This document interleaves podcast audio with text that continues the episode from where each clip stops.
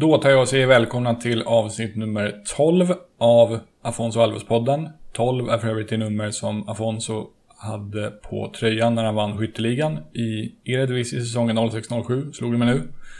Eh, jag heter Johan Dykhoff och det här blir tyvärr, får man säga, ett lite speciellt avsnitt. Eh, det blir nämligen in, ingen intervju och det beror på teknikstrul helt enkelt. Jag spelade in en intervju i onsdags förra veckan.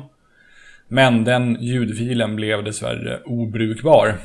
Eh, jag och samma gäst kommer göra ett nytt försök typ nästa vecka. Och jag kan avslöja att det är en gäst med AIK-koppling. Eh, I det här avsnittet kommer vi gå igenom förra avsnittets Afonso-trippel och även lägga in ett nytt bett. Jag ska även dra en liten Afonso-anekdot med anledning av Feyenoords säkrade ligatitel nu i helgen. I förra avsnittet så tippade jag Heidenfeins seger hemma mot NEC. Jag tippade 2,5 mål, eh, förlåt, över 2,5 mål i matchen mellan Djurgården och IFK Göteborg. Samt seger och hållen nolla för Vitesse hemma mot Råda. Den här trippen satt dessvärre inte. Eh, Heidenfein förlorade hemma mot NEC, ligans sämsta bortalag, med 0-2. Djurgården mot IFK Göteborg slutade ju 1-0, så där blev det inte tillräckligt många mål. Däremot satte jag faktiskt tipset i matchen mellan Vitesse och Råda, för där vann Vitesse med 3-0 och den matchen hade faktiskt högst odds, högst odds av de tre som jag hade valt. Eh, så till den här veckans bett. Nu börjar det bli lite knepigare att hitta matcher eftersom ligorna på kontinenten snart är slut. Så eventuellt kan det bli så att vi får pausa Afonso-trippen ett tag framöver. Hur som helst, den här veckan bettar jag på följande. Eh, Liverpool mot Middlesbrough. Där tippar jag hemmavinst och över 2,5 mål till oddset 1,75. Hammarby-Malmö FF en rak tvåa till oddset 2,04. Och avslutningsvis Örgryte mot Falkenberg. Där fegar jag lite grann och tippar över 1,5 mål till oddset 1,30. Detta ger ett totalt odds på 4,64 och gånger man det med den ständigt återkommande insatsen 34 kronor så får man en potentiell vinst på 157,76 kronor. Lite lägre odds den här veckan alltså, men många veckor små heter det ju och det blev ju som sagt förlust förra veckan så vi tar lite försiktigt den här veckan.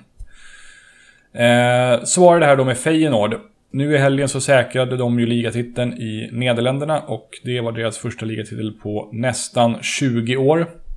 Senast de vann Eredivisie var säsongen 98-99. Då hette några av spelarna i truppen Jerzy Dudek, Paul Bosfeldt, Jean-Paul van Gastel, Bonaventure Kalou, Bert Konterman och Julio Cruz. Då förstår man att det är ett tag sedan. Numera tränas laget av ingen mindre än Giovanni van Bronckhorst och några av nyckelspelarna är skyttekungen Nikola Jörgensen, mittfältarna Karim El Ahmadi och Jens Tornstra, brasse-mittbacken Erik Bottegin och sist men inte minst veteranen Dirk Kaut som gjorde tre mål i ligaavslutningen mot Excelsior och därmed säkrade ligatiteln åt Feyenoord.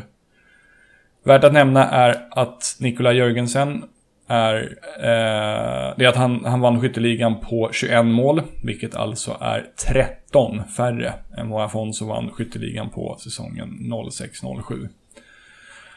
Afonso var det ja. Eh, han gjorde en minst sagt minnesvärd match mot just Feyenoord under den nyss nämnda skytteligavinnarsäsongen. Eh, Heinefeld mötte i ligaavslutningen Feyenoord på hemmaplan, hemma på AB Lenstra stadion. Och Afonso var då på jakt efter eh, första platsen i europeiska guldskoställningen. Ifall han skulle göra ett mål så skulle han ha säkrat ett målsnitt på ett mål per match under i säsongen, men det blev betydligt bättre än så. Heidenfeld vann matchen med 5-1 och Afonso gjorde hela fyra mål. Två av dem kom på frispark, ett av dem kom när Afonso på sitt typiska sätt vek in från vänsterkanten och dundrade in bollen och ett kom på straff. 5-1 målet kom i slutminuterna och precis innan Afonso skulle dunka in den frisparken så zoomade kameran in på Pierre van Hooijdonk som stod och grät i muren. För jag tror att det här var hans sista match i karriären och den blev väl inte riktigt så trivsam som han hade hoppats på.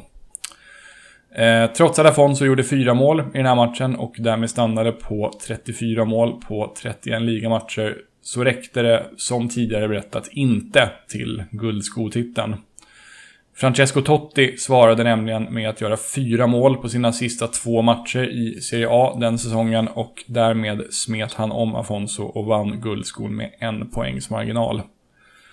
Så så kan det gå. Eh, och Totti spelar ju fortfarande och Afonso gör det inte.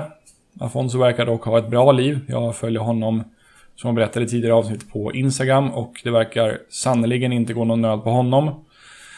Man får bara hoppas att han inte bränner precis alla pengar han har tjänat in på grillfester, båtutflykter, feta bilar, klockor, champagneflaskor, cyklar och allt annat han roar sig med. Eh, det var väl ungefär det jag hade att säga. Vi tar och knyter ihop det här lite annorlunda avsnittet. Jag hoppas kunna komma ut med ett nytt eh, och vanligt avsnitt antingen nästa eller näst nästa vecka. Eh, just det, jag åker till Barcelona där om månadsskiftet. Då kanske det blir svårt. Ja, ah, vi får se när den kommer ut.